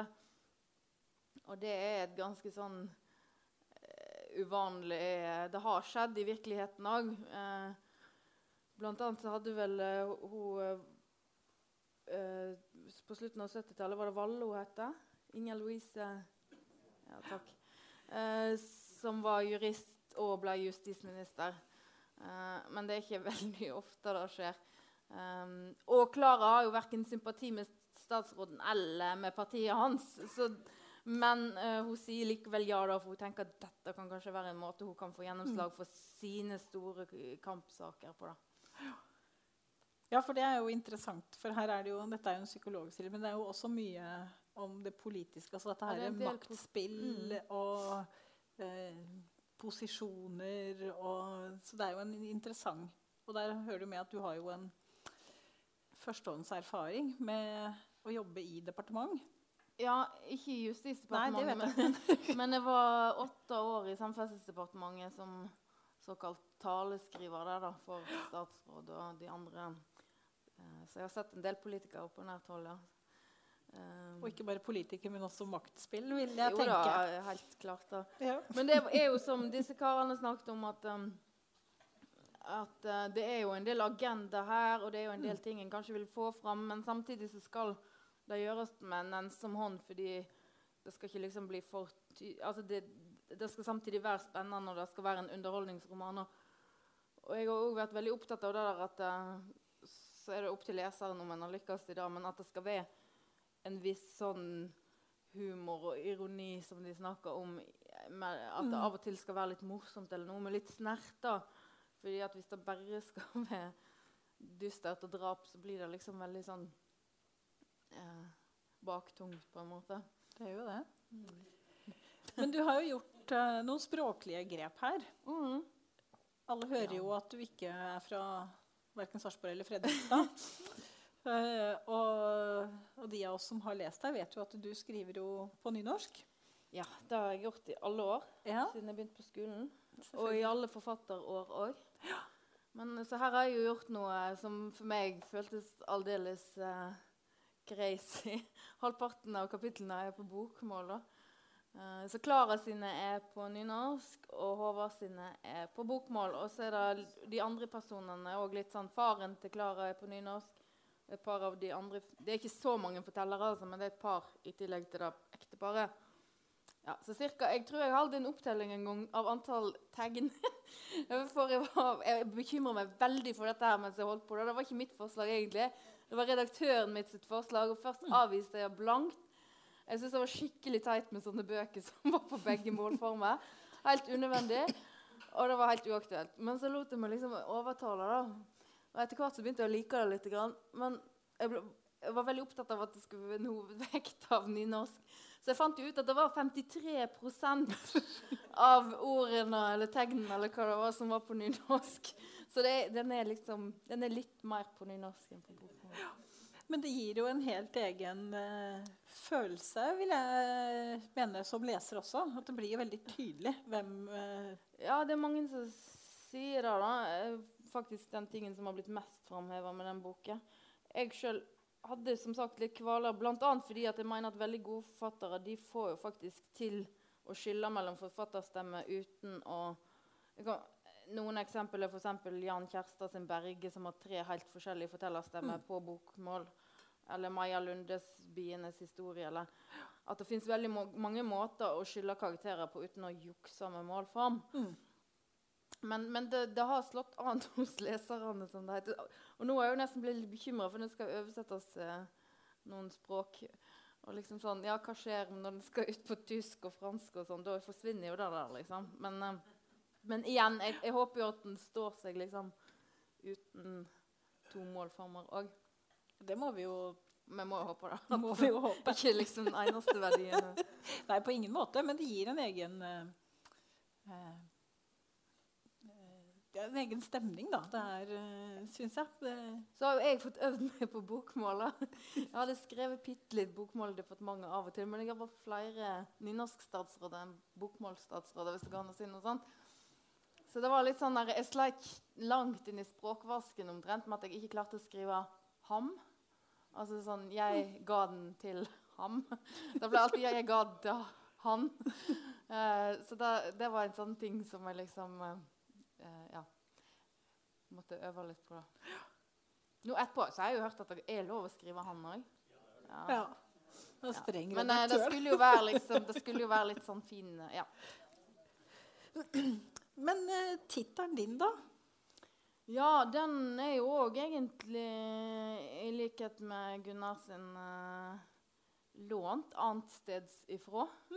Eh, det begynte med at Håvard inni her han har, litt sånn, han har en tung periode. Og det er en vakker vakker sommerdag der han kommer hjem til sønnene sine og sitter og ser på dem mens de liksom De leker i hagen, og vannsprederen går, og lyset faller inn mellom trærne. og Det er veldig sånn vakkert øyeblikk. Mens han klarer bare å tenke mørke, dystre tanker. Eh, og det har han jo for så vidt grunn til òg. Men så tenker han på et, en, Dette er jo jeg som har lagt inn i hodet hans. da. Og han tenker jo på et nydelig dikt som jeg er veldig glad i, som Per Lagerkvist skrev for 100 år siden. Som står sitert fremst her. Jeg skal ikke lese hele, men en av linjene inni her er ja, uh, alt, er, alt er mitt, og alt skal tages fra meg. Uh, innom kort skal allting tages fra meg. Så han tenker på da liksom hvor skjørt livet er. da, og Det blir jo ofte demonstrert i krimromaner at, at på, en, ingen, på null tid så kan alt være snudd helt opp ned, eller alt kan være over. rett og slett. Så, så der begynte det at jeg tenkte at hm, alt er mitt. Kanskje kan heite det. Og så slo det meg, som etter hvert har blitt viktigere for meg, at, det, at alt er mitt i et litt sånn der, Hvis du legger det i munnen på noen, så er det et veldig sånn, litt sånn grandiost og stormannsgalt utsagn, på en måte. Som jeg for så vidt òg syns, syns kler boka for de som Når en har lest hele. um, ja. Så, så, så der uh, men, men, diktbøkene mine, de tre siste voksenbøkene, heter jo Urd, Manillahallen og Sigd. Som er veldig sånn eh, kort ja, Eller iallfall ett ord og litt sånn rare ord, kanskje. Så for meg så var liksom alt der mitt var òg veldig sånn der, um, abstrakt, på en måte. Men det ble nå det, ble det, da. Ja. ja.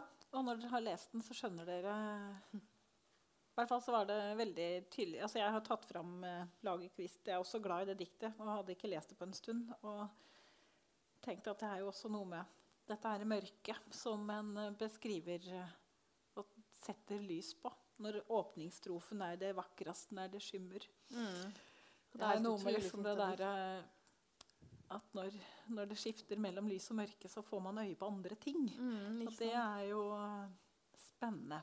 Jeg lurer på om vi skal invitere opp Herren igjen. For jeg kunne tenke meg å snakke litt om det som binder disse tre bøkene sammen. For det er det faktisk noe som gjør.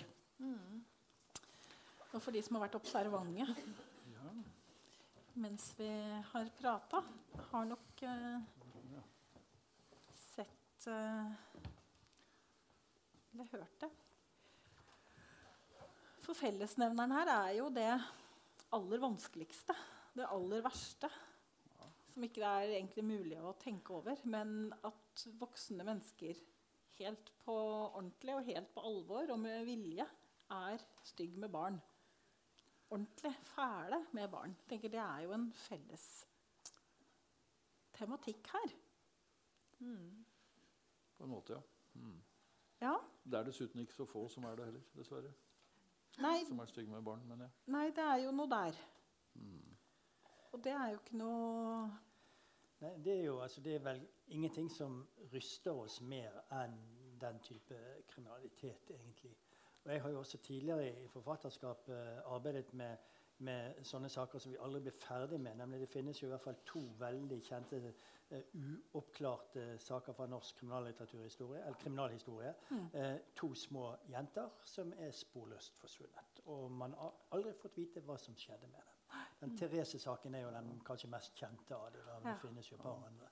Og det skrev jeg jo en bok om eh, som heter da, 'Der roser aldri dør'. Mm. Uh, og det er jo som Jan var litt inne på når vi satt her oppe forrige gang, at eh, i virkeligheten så får vi ikke svar på det. Vi får kanskje aldri vite hva som skjedde med hun lille Therese. Og kanskje lever hun et sted. Det er jo også en av mm. teoriene. At hun er bortført av sin far og lever nede i, på Balkan et sted.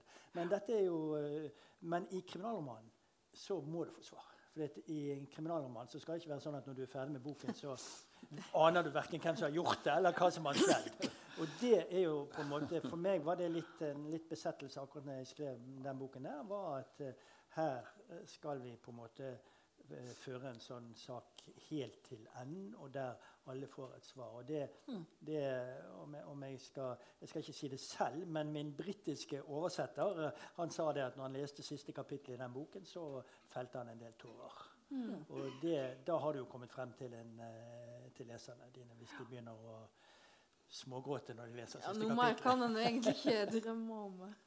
Nei, for det sitter jeg tenker altså tematikken, men også i, i Jans bok så er det jo en, en, en, i og for seg en videre tematikk. For det handler jo også om flyktningkrisa, som i høyeste grad handler om barn.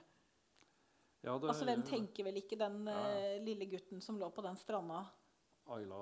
Ja da. Den, den, forandret, uh, den forandret europeisk flyktningpolitikk et par måneder i hvert fall. Mm det bildet.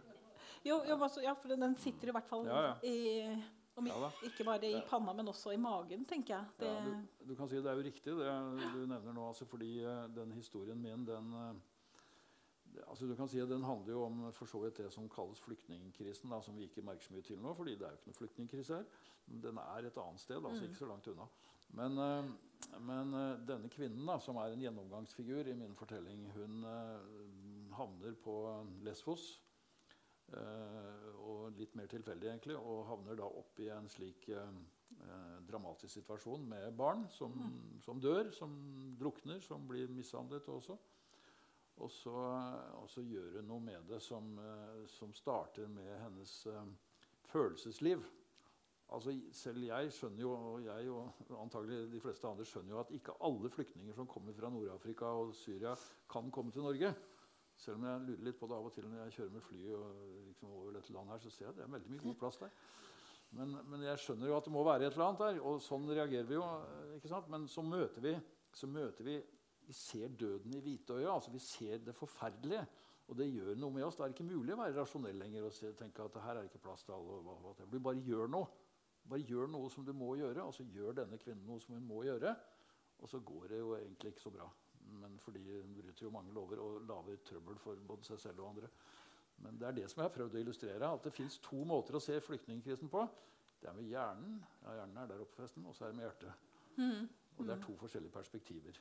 Og vi har begge med oss, får vi håpe, da. Men sånn er det jo i din bok også, Ruth. Altså, man kan jo velge å Også med denne fireåringen som blir levert sant, når foreldrene kommer med en fireåring i armene og er tilsynelatende fortvila. Mm. Er sikkert fortvila. Mm. Leverer fra seg en fireåring som er bevisstløs. Ja. Og så når de begynner å ta an klærne, så ser man at her han har ikke ramla ned av noe tre. Nei. Han er fire år. Han er bitte liten. Mm. Ja, det er jo helt uh, Og hvordan reagerer man da? Jeg snakket jo med et par barneleger uh, som jo er borti det på ordentlig. Mm. Eh, og de reagerer nok ikke sånn som, som de gjør i boken min. Um, for de er liksom trener på å håndtere det. Men det sier jo at det er liksom den helt klart selvfølgelig jævligste delen av en sånn jobb. Uh, og at det er så utrolig mye mer vanlig enn vi tror. Uh, og i mm. alle samfunnslag, på en måte. Det er lett å tro at det er et sånt sosialt problem som uh, Som mer ikke inntreffer i alle såkalte samfunnslag, men det gjør det jo. Ja. Uh, ja, det gjør det. Ja, ingen, ingen, er jo mer sårbare enn menneskebarn. For det, vi kan jo ikke klare oss alene fra fødselen av. Vi er helt avhengig av foreldre. Mm. Eh, bare, altså Dyrebarn de blir bare kastet ut, i, og så må de begynne å stave seg på beina og begynne å gå. Men vi er helt avhengig av våre nærmeste. Sant? Og mm. det er jo, øh, Jeg har også snakket en del med spesielt barnepsykologer i forbindelse med en del av de tidligere bøkene mine. Sin Varg Veums bakgrunn er fra barnevernet. Ja. Uh, og uh, de sier jo da at de to første leveårene det er de som former resten av livet ditt. Mm. Så hvis du da ikke får en person å forholde deg til i løpet av de to, eller en eller helst to, da, eh, å forholde seg til i de årene, så mister du en grunnleggende trygghet. Mm. Og vi vet jo da dessverre at veldig mange av disse overgrepene de skjer i lukkede rom. Det skjer hjemme. Ja. begått av en slektning. Enten mm. far eller bror eller en bestefar eller hva det er. Og, mor. Og det er en mor. Og det er nesten umulig, og det er veldig vanskelig i hvert fall for politiet å bevise dette. Sant? For det, det, blir påstand mot påstand, og disse små barna de vet knapt nok hva som har skjedd. I, i, i Bergen så har Bergens Tidende kjørt en, en uh, artikkelserie nå den siste måneden, uh, et par måneder, mm. der, de, der, de, følger noen av disse skjebnene. Mm. Altså voksne mennesker som har vært utsatt for overgrep som barn, og hvordan det har formet livet deres, ødelagt livet deres. Mm. Og, og, og pga. at denne dark room-etterforskningen foregår i Bergen, så er det jo da hele tiden pågår det da nye rettssaker mot eh, disse overgriperne. Og, eh, jeg sa når vi var oppe her sist, at eh, man kan bruke Internett som et verktøy til å gjennomføre dette. Men heldigvis i anførselstegn, så er det altså faktisk ganske mange som blir avslørt pga. Av, av, av av Internett, fordi de har lagt igjen så tunge spor etter seg selv med bilder og hva det skal være, sånn at de blir avslørt i større grad enn tidligere. Mm. Men altså, jeg syns jo for så vidt boken din, som jeg har lest med stor glede, så, og litt, den var litt nifs på en måte. Den var litt vond også. Det skulle den jo være. Men, eh, men, eh, det er klart at den tar jo, den tar jo fatt i, i det der dystre, mørke, det familiehemmeligheter som er skjult. Og så blir det eh, Eksempelet blir jo da dette barnet som kommer inn med, med skaden, og så har vi det gående. Og det er klart, det er jo ikke bare på når det gjelder seksuelle overgrep. Barn blir skadet. De blir også skadet ved mangel på omsorg. Mm. Eh, og det er det nok av. Hvis vi legger til det også, så blir det mange av dem. Og det er jo klart at det er jo et, det er jo et område som det er på en måte fristende å bruke som bakteppe for eh, kriminalfortellinger. Fordi det er så viktig, og fordi det er så stort, faktisk. Og det angår jo definitivt de som blir rammet av det, veldig veldig sterkt. Men det er altså et ømtålig område å skrive krimromaner om. Fordi mm. man skal gjøre det med, med, den rette formen for tilnærming og med varsomhet, selvfølgelig. Altså, jeg har lyst til å bare nevne et lite eksempel som jeg har vært uh, borti selv. fordi Altså, den andre boka jeg skrev, som, som het 'Kalde hender', som kom ut for snart 20 år siden Da, det, da fikk jeg jo Riverton-prisen for den, faktisk. Men eh, en av de kritikerne som nok likte boka og skrev pent om den, han fortalte meg, han skrev det faktisk også i, i omtalen, at han syntes denne storyen som jeg brukte den gangen For det handlet om barn som, altså tre generasjoner som var ødelagt, på en måte. Eh, og til slutt var det et barn da, som ble rammet. Og da, da sa han at vel, det var litt overkill, sa han. Mm. Ok, overkill. Vel, altså det han ikke visste, denne journalisten eh, En merittert journalist, vil jeg si. Det var at jeg hadde pyntet på historien. Jeg hadde pyntet på den, fordi det var nemlig, Jeg har jobbet i, i, med, altså i den utsatte delen av barnevernet en, lang, en periode for lenge, lenge siden. Og jeg har ikke glemt det, men det gjorde mye med meg. Men i hvert fall, da brukte jeg en uh, virkelig historie fra en familie. Uh, med alt det fæle som var der. Og jeg skrev da denne krimromanen som, som, var basert egentlig på en familie. På det tidspunktet var fire av de fem medlemmene i den familien døde. slik at jeg, Og jeg trodde den femte var død også, men det var han ikke. visste det seg.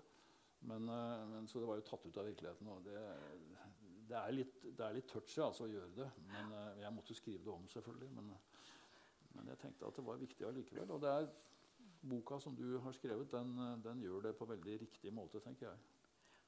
Dette var jo en tematikk som uh, aldri ble snakket om en gang tidligere. og Selv om vi nå sitter her som uh, krimforfatter, så vil jeg jo gjerne understreke at Herbjørg Wassmo var vel den første norske forfatteren mm. som for alvor grep fatt i uh, denne tematikken.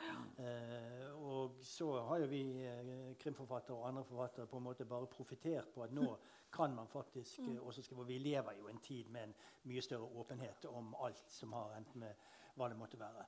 Uh, sånn at uh, det, er, det er et uh, Dessverre er nok dette noe som har skjedd til alle tider opp mm. gjennom årene. Men i dag kan vi fortelle om noe. Forhåpentligvis kan vi også sette i gang som man prøver å gjøre i departementet i hennes bok. sette i gang noen, noen aksjoner som kan i hvert fall hjelpe noen av disse barna. Eller kanskje mm. gjøre det mer uh, synlig, eller hva man kan uh, hva man skal men, men, men, man møter jo motstand. altså Hva er det Inga Marte Torkelsen sier? Du ser det ikke før du tror det. Ja. ikke sant? Og det er jo det vi, ikke sant? Og, og all den motstand politikere møter. Klara, i din bok, men også virkelighetens politikere, når de prøver å ta tak i dette. ikke sant? Mm. Som vi jo tenker at det vi aller helst vil, er å ta vare på ungene. Mm. Og når man gjør det, så måte, tråkker man inn, ikke sant? Altså, som du sa. at man må inn på innsida av det som er hellig. Da. Ja, det har noen kostnader, på en måte. Ja. Når jeg holdt på med den, så la jeg bl.a. denne boka om den helt grusomme Kristoffer-saken som han eh, Jon Gangdal, er ikke den heter? Jon Gangdal, ja. Mm. har skrevet. Han har jo skrevet flere bøker der han har prøvd å sette søkelys på reelle sånne saker. Men den er jo helt ekstrem, fordi at der svikter jo så mange instanser mm. eh, i tur og orden. Og det er jo helt ubegripelig at han har lest den, hvordan det går an. Men sånt skjer, jo, sånt skjer jo rett som det er. Og et av problemene er jo eh, tror jeg at, at unger Da sa hun ene barnelegen som vi snakket om, at, med, at de er så grenseløst lojale mot foreldrene sine. Uansett hvor fæle de foreldrene er, så så vil de aldri oute de omtrent til noen. Så de sitter der og er helt tause, enten fordi de er redde, men òg fordi at uansett så elsker de mamma og pappa nesten hvor fæle de er, fordi at det er liksom instinktet deres. Sånt er jo ja.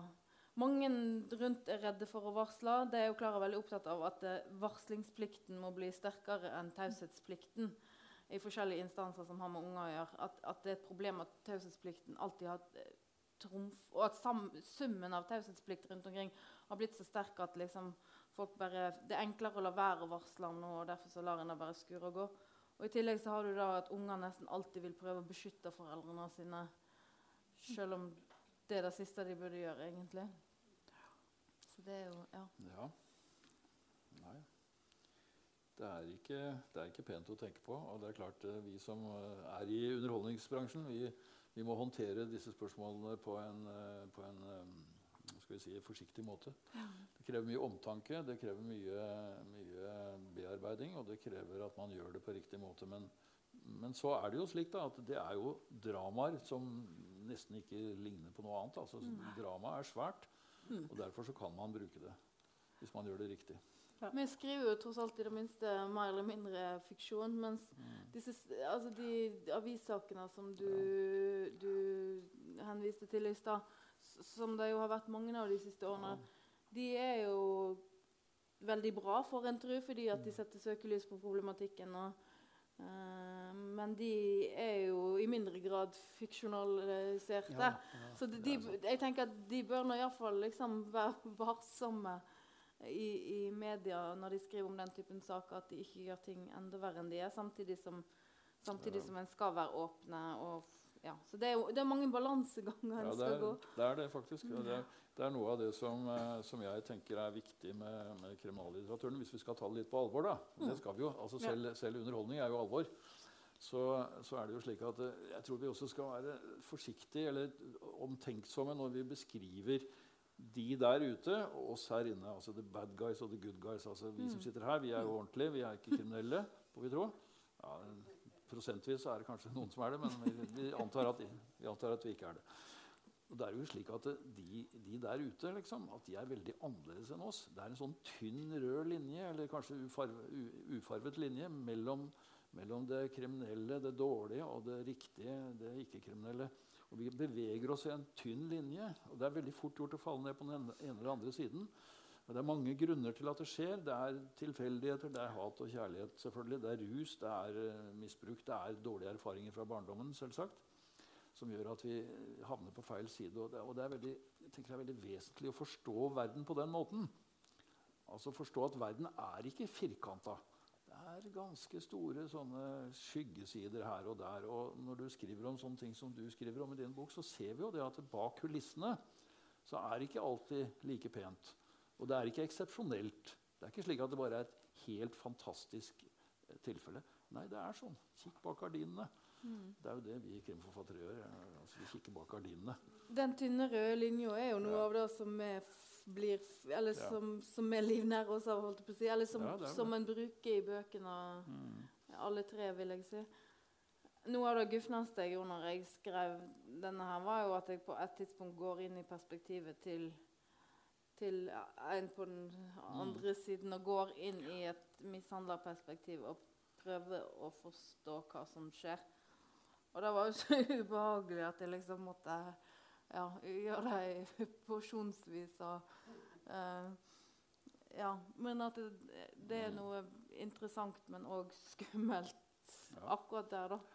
Ved å, at de fleste mennesker er det gråsoner i, og at eh, ja, under de rette omstendighetene så kan liksom gråsonene bli ganske svarte. Ja, det er viktig å være klar over det. fordi altså, de kriminelle, de som driver med alvorlig kriminalitet da, av forskjellige slag, de, de har ikke horn i panna. altså. Du kan ikke se det på dem. De ser ut som oss andre. Pussig nok. Og stort sett så oppfører det seg også sånn. Eh, jeg vet jo altså av noen av våre kolleger, da, f.eks. Uh, Jørn Lierhorst, da, som jo har vært politimann lenge, så han har jo gjort seg den erfaringen at når han snakker med folk som også har begått drap, så, så er de som oss andre. Eh, Jeg har intervjuet et par eh, veldig solide drapsmenn som har kommet til meg for at jeg skulle skrive, eller hjelpe dem å skrive bok. Og Særlig en av dem som har da faktisk begått to drap. Det ene er han helt sikkert uskyldig dømt i. Men i hvert fall, jeg tenkte etterpå, da jeg snakket med ham første gang, for en hyggelig mann. Men er det ikke sånn hver gang vi leser om en eller annen forbrytelse?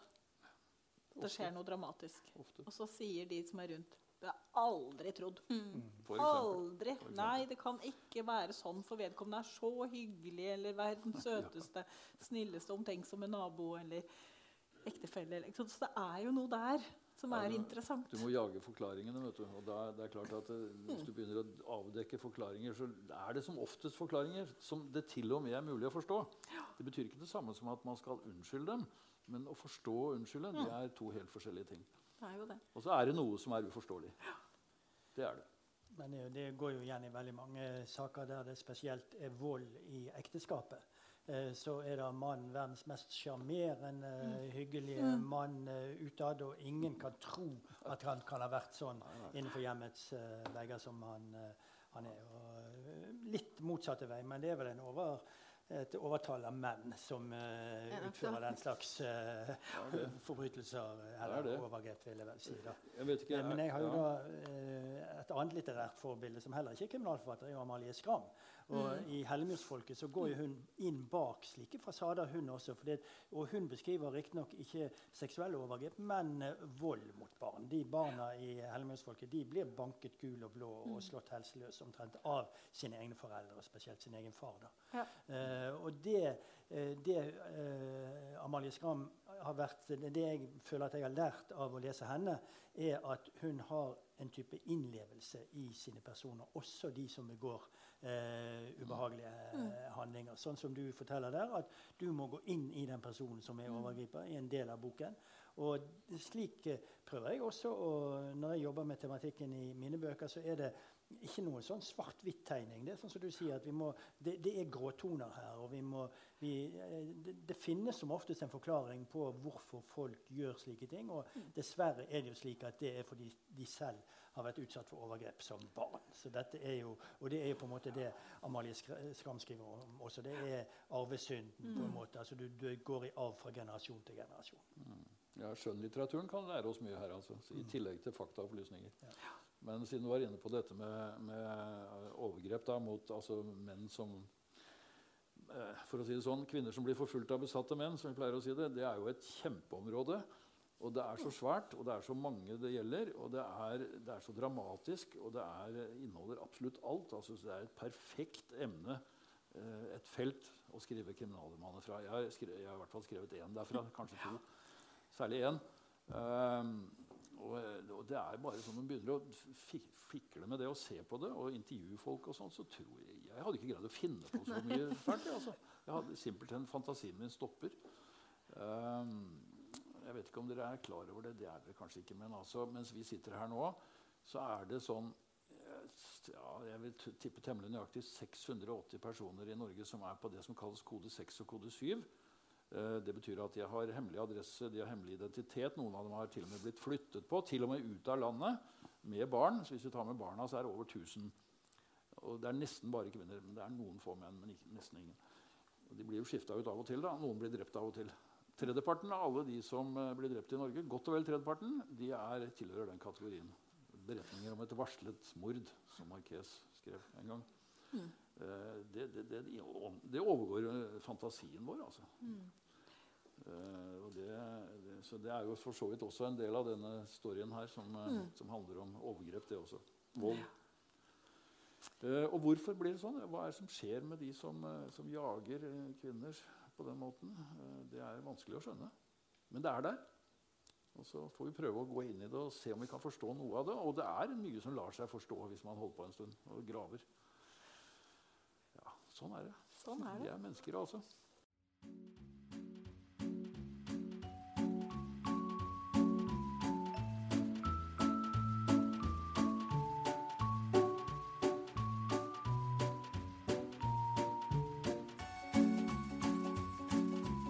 Nå har du hørt en podkast fra Litteraturhuset Fredrikstad. For mer informasjon, klikk deg inn på litthusfred.no.